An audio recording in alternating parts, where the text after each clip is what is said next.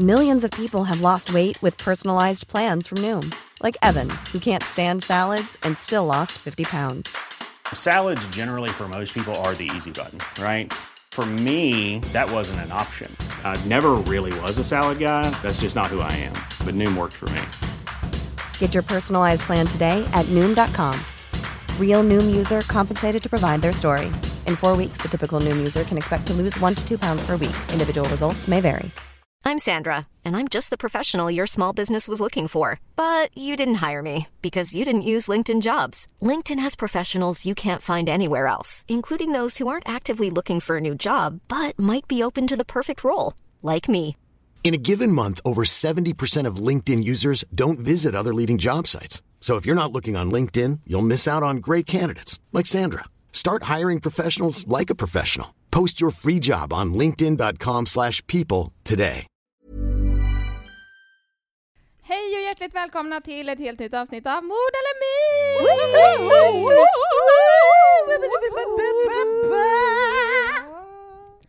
Back at it again. Ja, samma gamla rövgäng. Nytt år, ny energi. Ja, verkligen. Det är redan nytt år. Ja. Ja, Ja. exakt det är det vi säger. Men energin är gammal. Old Den är soul. som eh, gruvgas. Som gruvgas. Den bor där under jorden i tusentals år och sen sipprar den fram liksom, då och då. Den borde lukta äckligt. Det här är Ja. nog första gången någonsin som vi sätter igång en inspelning och inte har något att säga. Nej. Tyvärr, vi har Vi har inte veckan. planerat något försnack den här gången. Men jag har Nej. något att säga. Ja. Jag fick en julklapp av min lillebror. Mhm. Jag visste inte att jag skulle få någon av honom för att vi brukar sällan ge till Mm. Men jag fick en i år och det var, han tänkte på oss då, Mhm. poddgänget. Spännande. Så jag fick ett eh, sällskapsspel, ett sånt här eh, som man bara kan spela en gång. Escape room. Ah. Escape room-aktigt. Kul! Exit-spel. Gud vad som är roligt. mordgåta. Men vad roligt! Yeah! Så det Ah. borde vi spela någon gång. Det måste vi göra. Vi kan göra det som en live. Typ. Mm. Ja, det är kul. det hade varit kul. Det hade varit Så skitroligt. det var gulligt av honom att tänka Ja. på oss. Vad Ja. snällt. Ja. Jag fick ju också en julklapp av mitt syskon. Den här låten. Min syster har Ja. ju gjort en mord eller myt-låt. Just det, Ja. Som jag kommer lägga upp på våran Instagram. Som vi har tjatat om att få en Mm. sån mix. Mm. Nu fick vi Nu det. fick vi det. Mm. Ja. Vi har också en vinnare i, eh, som har vunnit våran allra första merch i Mm.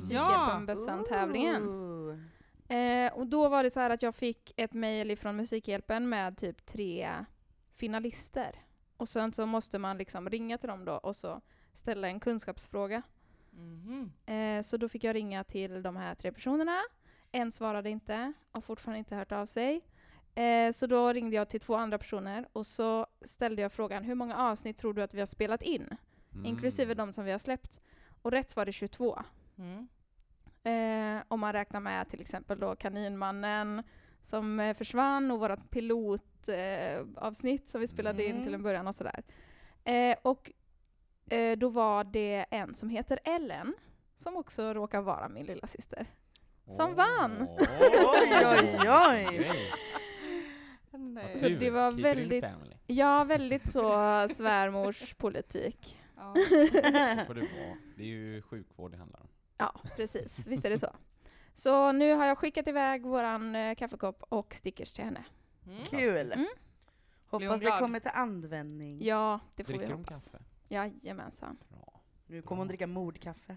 Ja, mord eller mytkaffe. Mm. Svart som blod. Mm. Murder for breakfast. Ska vi prata om mer då? Ja. Du hade ett boktips. Ja. Ja, Ehm, gammal Mm. klassiker. ja, man kan eh, läsa. Sämsta pruttljudet jag någonsin har hört. Nu när det är ehm, eh, pandemitider och sådär eh, så kan man läsa The Stand som heter eh, Pestens Ståndet. tid. Nej. Det heter Pestens tid på svenska. Den utkom någon gång sent 70-tal. Skriven av Stephen King. handlar om Mm. ett eh, virus som eh, tar koll på en 99% av jordens befolkning. Mm. Så handlar det om eh, eh, den ljusa och den mörka kraften. på den amerikanska Vilken eh, kontinenten. pepp du ger till alla som lyssnar nu. Ja, Jo, men man kan läsa den och känna att eh, fan, de har det lite sämre än vad vi har. ja just Mm, det. Den här Vi fiktiva ju- världen. Mycket lägre dödlighet än vad de har i The Stand. Mm. Mm. Eh, plus att det har kommit en eh, HBO-serie som är Mhm. baserad på boken, som tydligen ska vara riktigt dålig, om vad jag har läst. Nice. Men jag känner ändå att jag vill se den, för att boken har varit eh, thrilling och sådär riktigt eh, Stephen King när han är som bäst, att det bara kryper på en som en eh, ja, jag vet inte. Är Myra. inte, den är inte så gory, det är bara sådär, Larv. den är läskig från första sidan av någon konstig anledning. Gråsugga. Skalbagge. Så är det. Skalbagge. På tala om något som är då, riktigt dåligt då, Aha. så såg jag Linnea da Vinci-koden nu. Ugh. Mm. Älskar Da Vinci-koden. Nej men alltså Nej, på men riktigt, hela friden. det var en upplevelse. Ja. Dels för att eh, den var riktigt töntig Mm. på sina ställen. Och att jag typ hade jättesvårt att, att så här, hålla fokuset. Jag, jag var tvungen att fråga Linnea tusen gånger och bara Vem är han? Vart ska hon? Vad gör de? Vem är det? Vad är, vad är deras relation? Hur ska de göra det? Varför ska de göra så? Alltså det, det, det var ingenting som så här fängslar mig liksom. Mm. Men ändå är det tydligen den värsta klassikern. Och sen har jag ju lite svårt för Tom Hanks alltså. Han är ju... Han är vidrig. Jag Han har så mycket skelett i sin garderob som inte har fått komma Ja. ut i ljuset. Jag vet inte, men det känns... han Fast är för... Tom Hanks är för dig- ogrundat hat. Tom Hanks för dig är som Tom Cruise för mig. För Alla har en Tom Cruise- som är vidrig. Ja, Men Tom visst. Cruise har ju eh, redan blivit ut. Han har ju, man vet ju att han är lite crazy. Ja men ju han är ute. så äcklig och han är så Men det dålig. läskiga med Tom Hanks är att ingen vet vad fan det är han har. Jag Mm. gillar Da Vinci-koden, jag har fått tjata i flera veckor för att någon ska se på den här hemma med mig. Och så häromdagen så var det bara jag och Moa som skulle kolla på film och jag fick äntligen min vilja igenom. Mm. Tyvärr. Jag är superlycklig i alla fall, jag har fått se Da Vinci-koden igen. Det var säkert tio år sedan sist. Det var det enda du ville. Jag hade ett Och sånt... nu blir det National eh, Treasure, Mm. Ja, just det är det. nästa. Mm. Jag hade ett sånt Dan Brown eh, craze för något år sedan. Jag bara skulle läsa alla hans böcker. Och Da Vinci-koden var inte en av de bästa. Han har skrivit väldigt många andra som är lite Mm. spännande. Han har Typ den här skrivit Inferno. jättemycket. Men alltså det var flera gånger jag kände under filmen att nu tar den slut. Och så bara nähä, Ja. nu Ja, ska men de åka är som- vidare här. Vad fan, de har ju redan fångat the bad guy och de har ju redan hittat det här. Varför, varför ska de dra ut på det liksom? För att det är bajs, det var det. Ja det var det. Nice.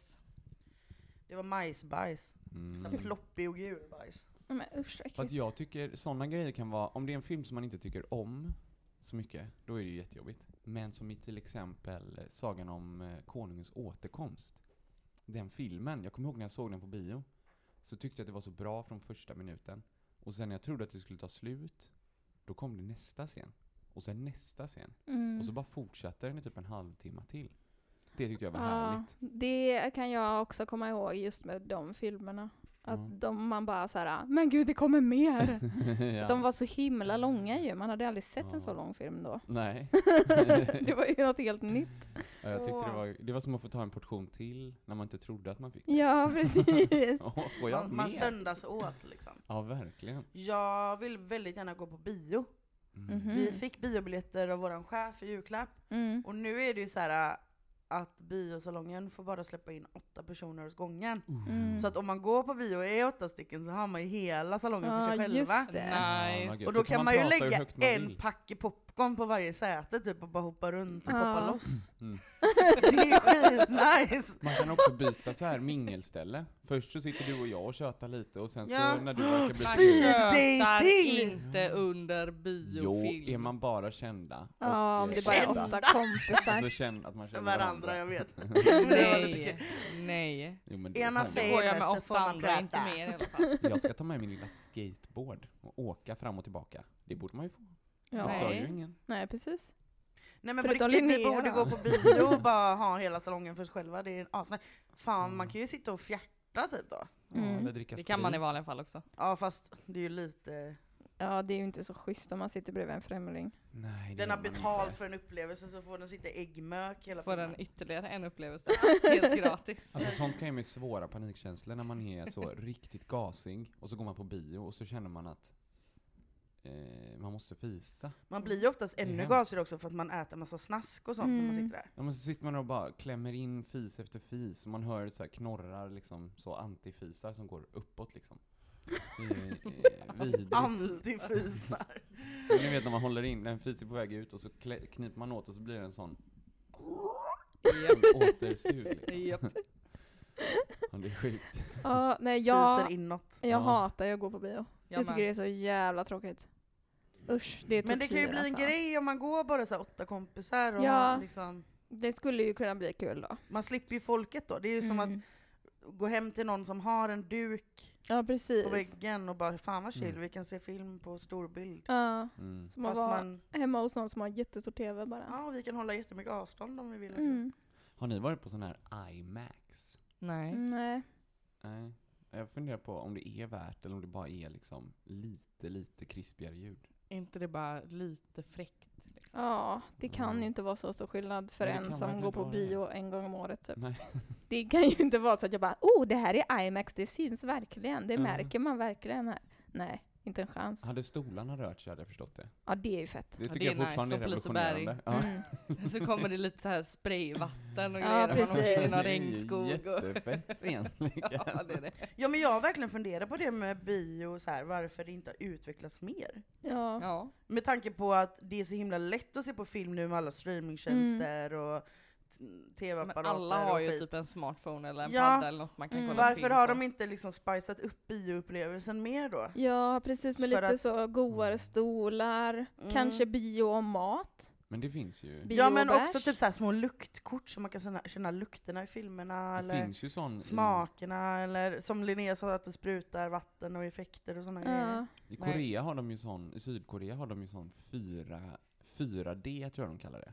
Mhm. Där det är att man skulle få känna lukt också. Mm. Mm. Ja. Det är ju sinnessjukt. Om man Ja. kollar på typ så, då vill man ju känna usch lukt. äckligt, fy fan vilken hemsk tanke. Men man kanske inte gör en sån film i 4D då? Jo. Det tycker jag att man ska göra. Asså! Ja. Om man nu ska ha det så ska man ha det. Mm. Tycker Alltså jag. jag tror att många hade gått på det. Mm. Jag hade nog Även ändå... såna Jag hade Ja, ändå velat- jo men det hade jag också gått på. Och nu eh, kanske det är dags för dig att blow. Ska jag blow your minds? Ja. Är ni Lås bort dem redo? bara. Jag är redo. Mm, jag är redo.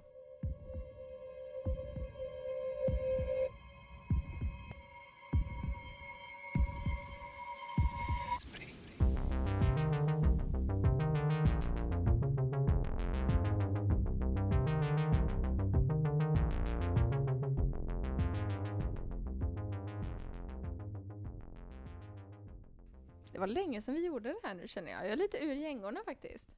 Jag ska försöka ta mig tillbaka. Du kommer klara det. Come together! Right now! Mord eller myt? Snyggt! Nice! Okej, den 8 november 2008 i Ontario, Kanada, Mm. så får en larmoperatör ett samtal från en person som jag kallar för Jannike. Hon säger att någon har brutit sig in i hennes hus. Hon säger att hon har hört skott och att hon är fastbunden på ovanvåningen och att hennes föräldrar är på våningen nedanför. Hon säger också att hon hör sin pappa springa skrikande ut genom dörren men att hon inte längre hör sin mamma. Polis och sjukvårdare kommer dit några minuter senare. Och vad som har hänt då, det är att 25-åriga Jannike, som bor med sina föräldrar, har suttit uppe på sitt rum och tittat på TV och pratat med en vän i telefonen när hon hör trappsteg utanför rummet. Och hon hör att det inte är varken hennes föräldrar eller hennes bror som bor eh, liksom på campus, typ, för han pluggar på något college. Eh, så hon blir livrädd och så här fullkomligt fastfrusen liksom. Och så hör hon skrik och rop ifrån röster som hon inte känner igen. Och då är det en man som skriker ”Var är pengarna?” Så hon går ut ur sitt rum och ser hur hennes pappa släpas ner för trappan. För han har liksom redan gått och lagt sig. Så han blir släpad från sitt sovrum ner för trappan där hennes mamma befinner sig på nedervåningen. Och det är liksom mörkt i huset så här. Eh, och en av de här männen går upp till Jannike och släpar med henne ner. Och hon, han säger att hon ska göra som han säger så att ingen ska bli skadad. Och han håller en pistol mot hennes rygg. Och de frågar om och om igen, de här männen, vart pengarna finns. Och Jannikes föräldrar säger att de kan ta vad de vill, bara ingen blir skadad. En av männen tar med sig Jannike upp på övervåningen igen och hon visar mannen vart hon förvarar pengar i sitt rum och var det finns pengar i hennes föräldrars rum. Och så typ vänder han upp och ner på de här rummen, tar pengarna och binder fast hennes händer bakom hennes rygg och i trappräcket på ovanvåningen. Eh, sen går han ner igen och de tre männen släpar med sig Jannikes föräldrar utom synhåll och lämnar henne där uppe liksom. Eh, männen sätter hennes föräldrar i en soffa. Det här ser inte Jannike då, för nu har de liksom gått under trappan eller vad man ska säga. Eller till och med ner till källaren, jag är lite osäker. Men de tar, sätter föräldrarna i en soffa, lägger filtar över deras huvuden och sen hör man fem skott. Förövarna åker därifrån och då ringer Jannike polisen. Eh, Jannikes pappa har blivit skjuten två gånger, en gång i huvudet och en gång i axeln. Men han lever. Så han springer då ut genom ytterdörren för att skrika efter hjälp och kollapsar liksom framför huset. Och när polis och ambulans kommer dit så konstaterar man att Jannikes mamma är död. Hon har blivit skjuten tre gånger och avlidit direkt. Så Jannikes pappa körs i ilfart till sjukhuset och försätts i medicinsk koma medan man kämpar för att rädda hans liv. Lite mer om Jannikes familj då. Jannikes föräldrar är från Vietnam och flyttade till Kanada i jakt på ett bättre liv. Vilket de fick, för de hade det ganska väl ställt. De hade två barn, Jannike och hennes yngre bror, som då inte bodde med familjen utan bodde på campus. Eh, allt de önskade i sina liv var att deras barn skulle få det bättre än vad de själva hade haft när de växte upp. De bor i ett stort hus i ett så städat område. De har två bilar, en Lexus och en Mercedes. Eh, och föräldrarna har väldigt höga krav på sina barn. Alltså de är väldigt brydda om hur liksom, barnen uppför sig, eh, vilken utbildning de har, vilken karriär de väljer och sådär. Så det här är liksom en väldigt vanlig familj utan kopplingar till kriminalitet. Eh, inga skumma affärer, ingenting som polisen liksom kunde gå på. Det finns ju en del skumma saker med den här attacken. Ett, hur kom de in? Det finns inga trasiga fönster på huset. Och familjen brukade vara väldigt noga med att låsa dörren. Um, nummer två, det är ju ett rån. De är ute efter pengar. Varför står familjens båda bilar kvar i garaget? Och det finns fortfarande typ cash i huset, i liksom handväskor och sånt, som de har lämnat då. Eh, tre, varför sprang Jannikes pappa ut genom ytterdörren och inte upp till sin dotter? Det känns ju helt sjukt, tycker jag. Eh, och nummer fyra, vem, alltså vilken typ av rånare eller mördare skulle lämna en 25-årig tjej som vittne om attacken inte var personlig? Och nummer fem, hur kunde Jannike ringa polisen när hennes händer var fastbundna bakom hennes rygg och hon dessutom satt fast i trappräcket? För hon hade telefonen i liksom midjebandet på sina så här, yogabyxor, mjukisbyxor typ. Um, och då ska hon ha fått tag på den på något sätt. Tydligen. Mm. Um, det börjar komma fram väldigt skumma grejer i den här utredningen. Eh, Jannikes ex-pojkvän, som jag kallar för David, som hon var tillsammans med i fem år, han säljer droger. Eh, Jannike var ihop med honom i fem år, helt utan sina föräldrars vetskap. Eh, när de väl fick reda på relationen så förbjöd de paret att vara tillsammans. Dels för att David hade rötter i Kina och Filippinerna, vilket Jannikes vietnamesiska föräldrar tyckte var olämpligt. Liksom. Eh, men Jannikes föräldrar hade ju också väldigt höga krav på henne. De höll henne alltid under uppsikt och det var absolut förbjudet för henne att dejta. Hon fick inte gå på skoldanser under sin tid på high school, för hennes föräldrar var liksom rädda för att det skulle distrahera henne från hennes viktiga då, skolarbete. När Jannike är 22 år gammal har hon fortfarande aldrig varit full, hon har aldrig varit på en bar eller en klubb, hon har aldrig rest någonstans utan sina föräldrar. Trots att hennes föräldrar hade så höga krav på henne så var hennes betyg i high school ganska medelmåttiga. Så då började hon fejka betyg. Eh, liksom ta hem sådana report cards där det liksom stod högsta betyg på allting. Fast det i själva verket inte var sant. Så hon visade de här fejkade betygen för sina föräldrar som ju blev jättestolta. Sen eh, kuggar hon en mattekurs och fråntas då möjligheten att gå på det universitetet som hon hade kommit in på. Och hon kan inte ens tänka sig att erkänna det misslyckandet för sina föräldrar, för hon har ju redan börjat liksom ljuga om sina betyg. Och nu har hon ingen plats på universitetet och kan inte ens ta studenten på grund av det här då. Så då säger hon helt enkelt till sina föräldrar att allting är prima och att hon har kommit in på farmaceutprogrammet. Heter det så? apotekare. ja, precis. Um, så att hon, hon hittar bara på det och hennes föräldrar bara ah nice, kul, grattis. Sen typ sitter hon på kaféer, jobbar i en restaurang, spelar piano medan hennes föräldrar då tror att hon är i skolan. Och hon köper begagnade böcker och kollar på videos på Youtube och fyller anteckningsböcker med fejkade föreläsningsanteckningar som hon då kan visa för sina föräldrar. Hon övertalar också sina föräldrar att hon ska sova över hos en kompis som bor närmare universitetet under veckorna. Fast i själva verket bor hon då hos David, den här pojkvännen. Som hennes föräldrar inte ville att hon skulle vara ihop med liksom. Ehm, och under tiden hon låtsas plugga så säger hon också till sina föräldrar att hon också jobbar som volontär på ett barnsjukhus. Så att hennes föräldrar skjutsar henne till och med dit ibland. Liksom.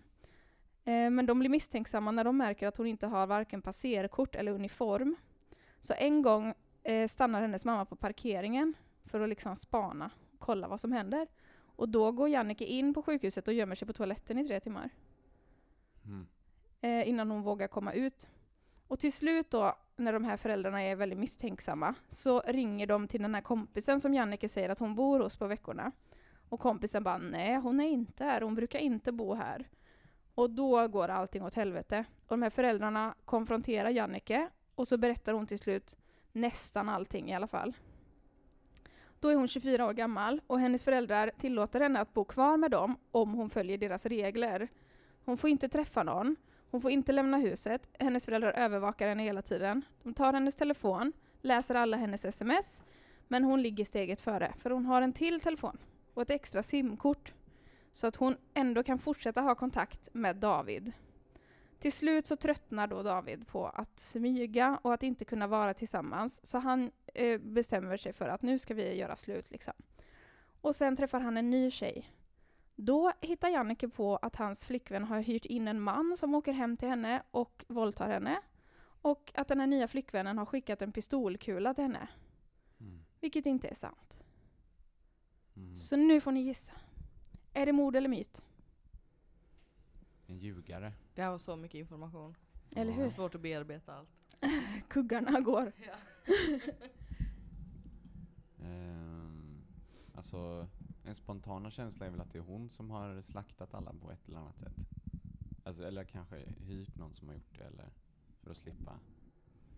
Och det känns som att hon kanske har liksom jagat in sig själv i ett hörn lite med alla lögner och Mm. ha, kä- kanske kände att hon inte hade någon annan utväg än att bara få alla att försvinna. Mm. Hennes sätt att bli fri. Mm. Men det är också väldigt drastiskt och istället för att bara sticka så dödar man. Ja, Alltså, kan man uppenbarligen inte har hon fått, kunnat få jobb och sådana grejer så hon kan försörja sig själv. Och jag menar, eh, då hade man ju kunnat fly och fly- flytta ihop med sin kille och ditcha familjen. Hellre än att hyra in några som kommer och mördar. Jag säger myt. För det är, för hokus pokus allting. Ja. ja, jag skulle nog också, eller så här, hon kan ju ha agerat i eh, någon slags psykotiskt tillstånd kanske. Men det känns så ologiskt att, att döda.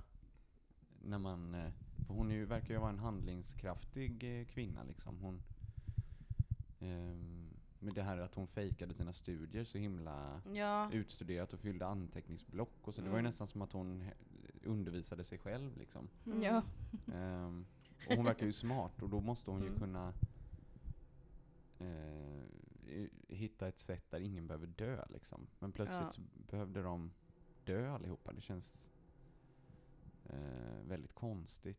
Så Ja men tror- också på att man då väljer att döda personerna på det sättet känns så himla så här. Men som du säger, hon verkar ju ganska klipsk liksom. Mm, Då hade hon ju säkert kommit på något smartare sätt mm, att göra det på. Jag tänker att gå till den längden som man hyr in någon som dödar ens föräldrar, det gör man ju kanske inte av att man har superstränga föräldrar på det här sättet. Det kanske man gör typ om man har varit inlåst i en källare alla Fritzl i, i 20 år. Då Mm. kanske man blir så knäpp som man tar till mord. Men eh, antingen så är det ju bara någon annan som inte har någon koppling till dottern då och så är, kan det här vara ett mord. Men om man ska gå på att det är eh, Jannike som har ordnat det, vilket ändå lite låter som, så det känns otroligt. Eller är det Daniel som mördar alla? David. David? Men varför vinner han på det? Ja, Jag vet inte. jag, tänk, jag, ser, jag ser honom lite som en sån lite småkorkad eh, dope i knarklangaren bara. Ja. Eh, han känns inte som att han skulle kunna utföra en sån handling. Å andra sidan så har han ju i och för sig en visst motiv. Ja, han ville ha henne för sig själv och hon får ju inte vara med honom. Och Fast det- han gjorde ju Ja. slut med henne. Ja, jag tänker mer att Ja. så här, eftersom att hon eh, fuckar så mycket med hans eh, tjej. Mm. Fast varför skulle han skona? Han kanske skickade ett som ett eh, hotfullt meddelande genom att döda hela familjen. Och inte henne. Men det är ju också back helt psycho, det är också så mycket. Ja, det är, det är ju förvisso. Jag tror vi är enade om att det är en myt. Eller? Mm, Eller vad känner du Tor? jag känner. Att det är en myt? Ja. Ja det gör jag med. Vi säger det då, eller? Mm. Ja. Ni är helt överens bara sådär. Ja. Otroligt. Har det aldrig hänt? Nej, inte så. Jag tror typ Nytt år, inte. nya möjligheter. Ja. ja, ni säger myt och ni har fel. Va? Wow. Mm. Det här, vem var det då? Tråkigt för Jannike. Ja, jag vet. Och hela hennes familj framförallt. Det här, nu blir det sorgligt. Det här är berättelsen om hur Jennifer Pan, som jag kallade för Jannike, orkestrerade mordet på sin mamma, Bicka, och mordförsöket på sin pappa, Han. Mm. Eh, och då undrar ni, vad var det egentligen som hände den här kvällen? Jo, det ska jag berätta. Jennifer, som jag kallade för Jannike, och Daniel, som jag kallade för David, den här pojkvännen. Hette han Daniel på riktigt? Han hette Daniel Moa som Moa Moa sa. sa. Det är jätteroligt. Sjätte sinne. De har tillsammans eh, kokat ihop en plan. De ska hyra en hitman och betala honom 10 000 dollar. För de har räknat ut att eh, Jennifer kommer få 500 000 dollar om hennes föräldrar dör. Deras plan var då att om föräldrarna dör så kan hon bli fri och de kan flytta ihop. Så den här planen liksom kokar de ihop innan han gör slut, fattar jag det som. Men jag är inte helt eh, hundra. Um, Daniel som är, eller har varit i alla fall, involverad i kriminalitet hittar då en man som kan tänka sig utföra det här jobbet. Och han kontaktar i sin tur två andra män. Så den 8 november 2010 går Jennifer ner från sitt rum, säger godnatt till sin mamma. Hennes pappa har då redan gått och lagt sig. Eh, och innan Jennifer går upp till sitt rum så låter hon upp ytterdörren. Så att de kan komma in. Sen kommer de här tre männen till huset, går in genom ytterdörren, släpar ner Jennifers pappa, tar pengarna, binder fast Jennifer på övervåningen och skjuter föräldrarna. Jag har lyssnat på förhör med eh, Jennifer. Och den här mannen som förhör henne, Detective Slate, han är så jävla grym. Mm. Alltså han är otrolig. Han är liksom snäll och vänlig till en början och typ berättar så väldigt detaljerat hur utredningen kommer gå till för att hon ska liksom känna sig trygg. Vad de behöver få veta och hur de brukar gå tillväga så här. Och så pratar han om han pratar om att hon kanske känner så survivors guilt, att det är väldigt vanligt när man överlever en sån här typ av attack liksom. Mm. Och att hon kommer känna det och att han kan hjälpa henne komma till en psykolog och så här. Men ju mer de liksom pratar, desto mer börjar han ju trycka på att vi förstår att det är någonting som är väldigt konstigt. Eh, så han är ju liksom inte dum, han har fattat att det är något lurt. Så då säger han till henne att så här, vi vet att du har ljugit förut, du har inte ljugit för mig, men vi vet att du har ljugit för Daniel och för dina föräldrar. Och om det visar sig att den här attacken på något sätt är en lögn, då är det det mest kallblodiga jag någonsin har hört. Och hon eh, är en sån jävla tönt så hon typ piper bara Oh my god! Mm. Ehm, han vill veta då om det finns något i hennes statement som är en lögn. Och hon är så full av skit, den här kvinnan. Hon är sån tönt alltså. Hon går i terapi. Hon är verkligen en sån jävla tönt. Hon går i terapi och pratar inte om mordet på sin mamma, inte om attacken. Hon pratar bara om hur det här påverkar henne och hur hon porträtteras i media. Det är liksom Mm. allt hon bryr sig om. Hennes pappa överlever ju den här grejen. Så att han eh, liksom klarar sig med livet i behåll, men han har, alltså han blir väldigt, väldigt sjuk. Mm. Och han, det är så fruktansvärt sorgligt att höra vad han säger under de här rättegångarna. Mm. För han är verkligen en trasig man alltså. Ja, Ehm. det enda han har kvar av sin familj är en dotter som är helt psykopat. Ja, en son. och en son till som Ah, är en son. supertraumatiserad och verkligen är inte vill prata. Om det Nej, här. Eh, och det är typ så här, han kan inte sälja sitt hus. Eh, på grund han, kan inte, han behöver renovera sitt hus där mordet skedde. Men han, det kan han inte göra för han har mycket fysiska problem efter att ha blivit skjuten typ i ögat Mm. och överlevt. Eh, han har fortfarande så här kulfragment i ansiktet som de inte har lyckats ta bort. Han måste äta massa mediciner och så här. Eh, han har liksom ingen lust att äta mat för att han typ sörjer. Mm. Han kan inte röra sig som han brukade. Alltså det är verkligen bara, det är så sorgligt alltså. Finns det ingen så 1% eh, Nej, det var i Kanada det här. Det Ja. finns säkert sådana 1% eh, kanadensare som kan sätta upp en fund. Ja, Det precis. känns som sånt, det så är det alltid i USA. Ja, men det finns eh, säkert någon form av hjälp som han får liksom. Ehm, under den här rättegången så påstår Jennifer då att attacken var tänkt att vara ett självmordsförsök. För hon menar att hon inte ville leva längre och att hon inte ville dra skam över sin familj genom att ta sitt eget liv. Och så menar hon då att hennes plan var att de här männen skulle bryta sig in och skjuta henne, men att det Mm. på något sätt blev fel liksom. Vilket rätten inte alls tror på. Så alla fem arresteras. Eh, och en av de här männen som bröt sig in är redan anhållen för ett annat mord. Mm. Så han sitter liksom redan i fängelse. Eh, och rättegången pågår i tio månader. Så domen, då har hon liksom varit häktad i tre år typ. Så Mm. domen kommer inte förrän 2014. Ehm, och då när vittnar ju då Jennifers pappa. Eh, och det liksom är något som juryn verkligen så här, ja, tar till sig. Mm. Ehm, Jennifer döms för att ha orkestrerat mordet, på sina, mordet slash mordförsöket på sina föräldrar och får livstidsfängelse. Eh, och hon har en chans att bli fri först 2035. Mm.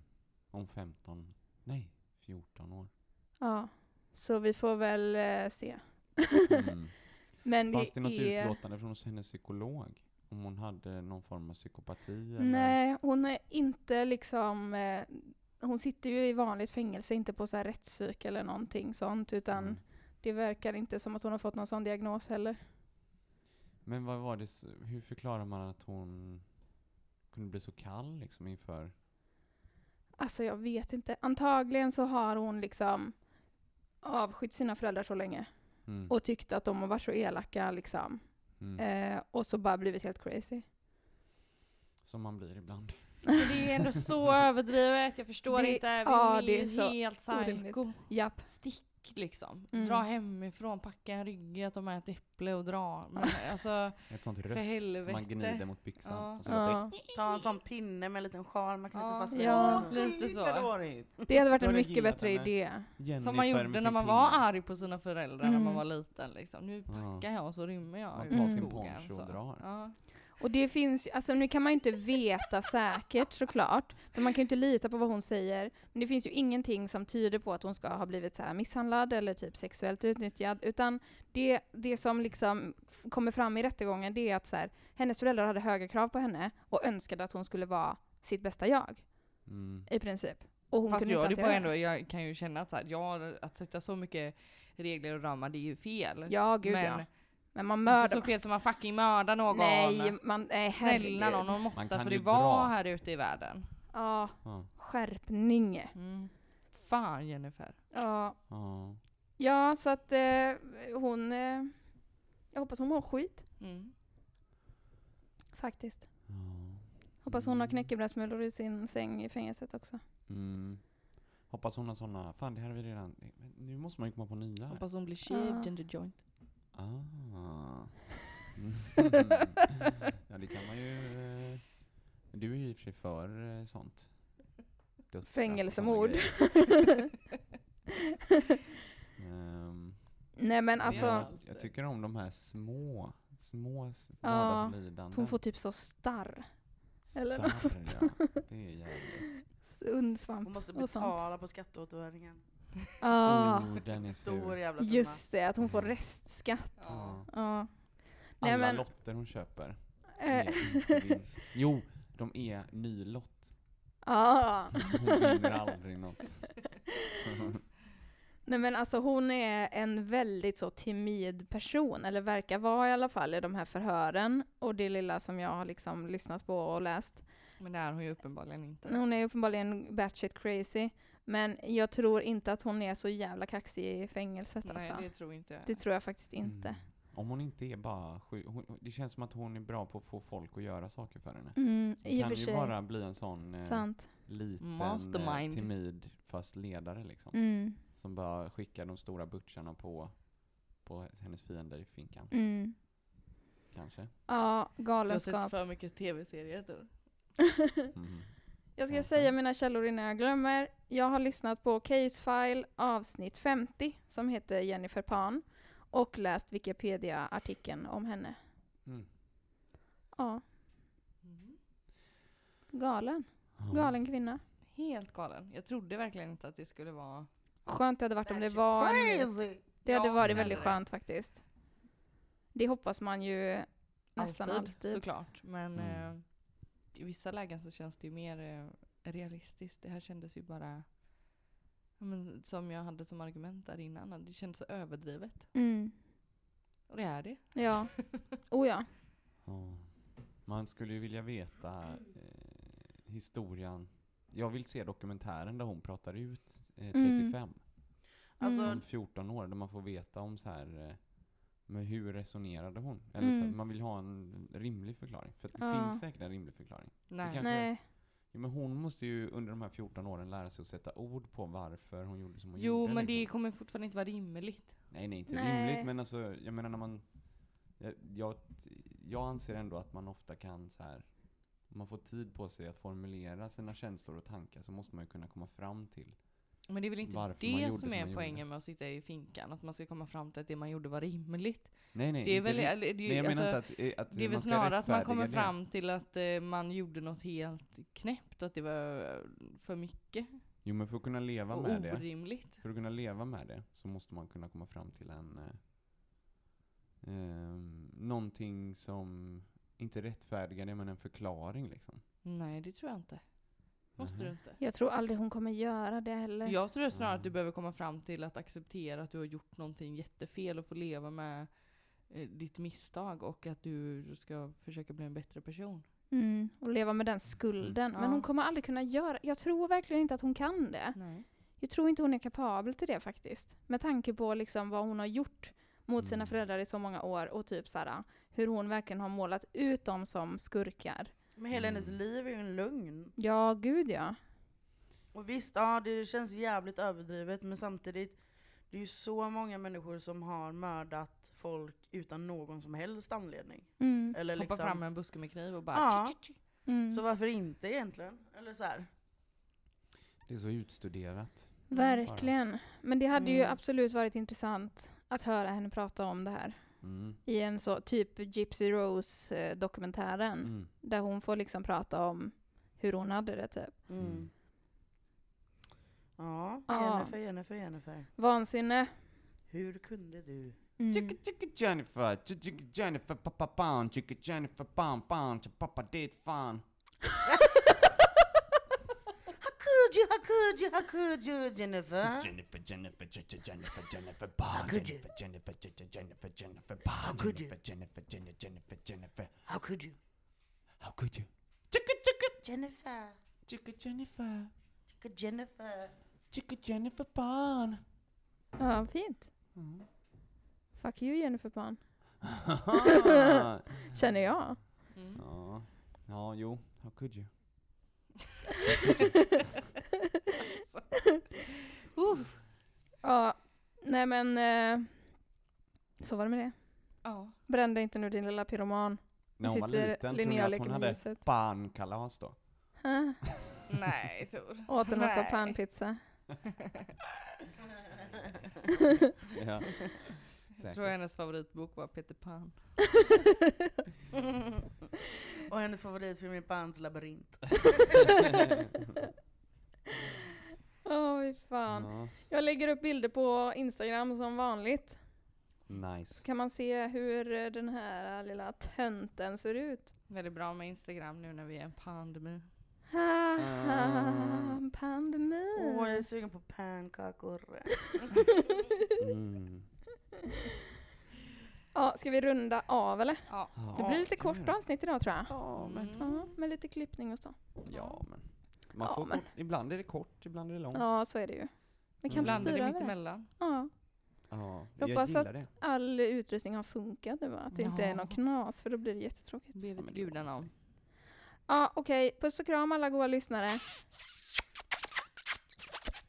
How could you? How could you?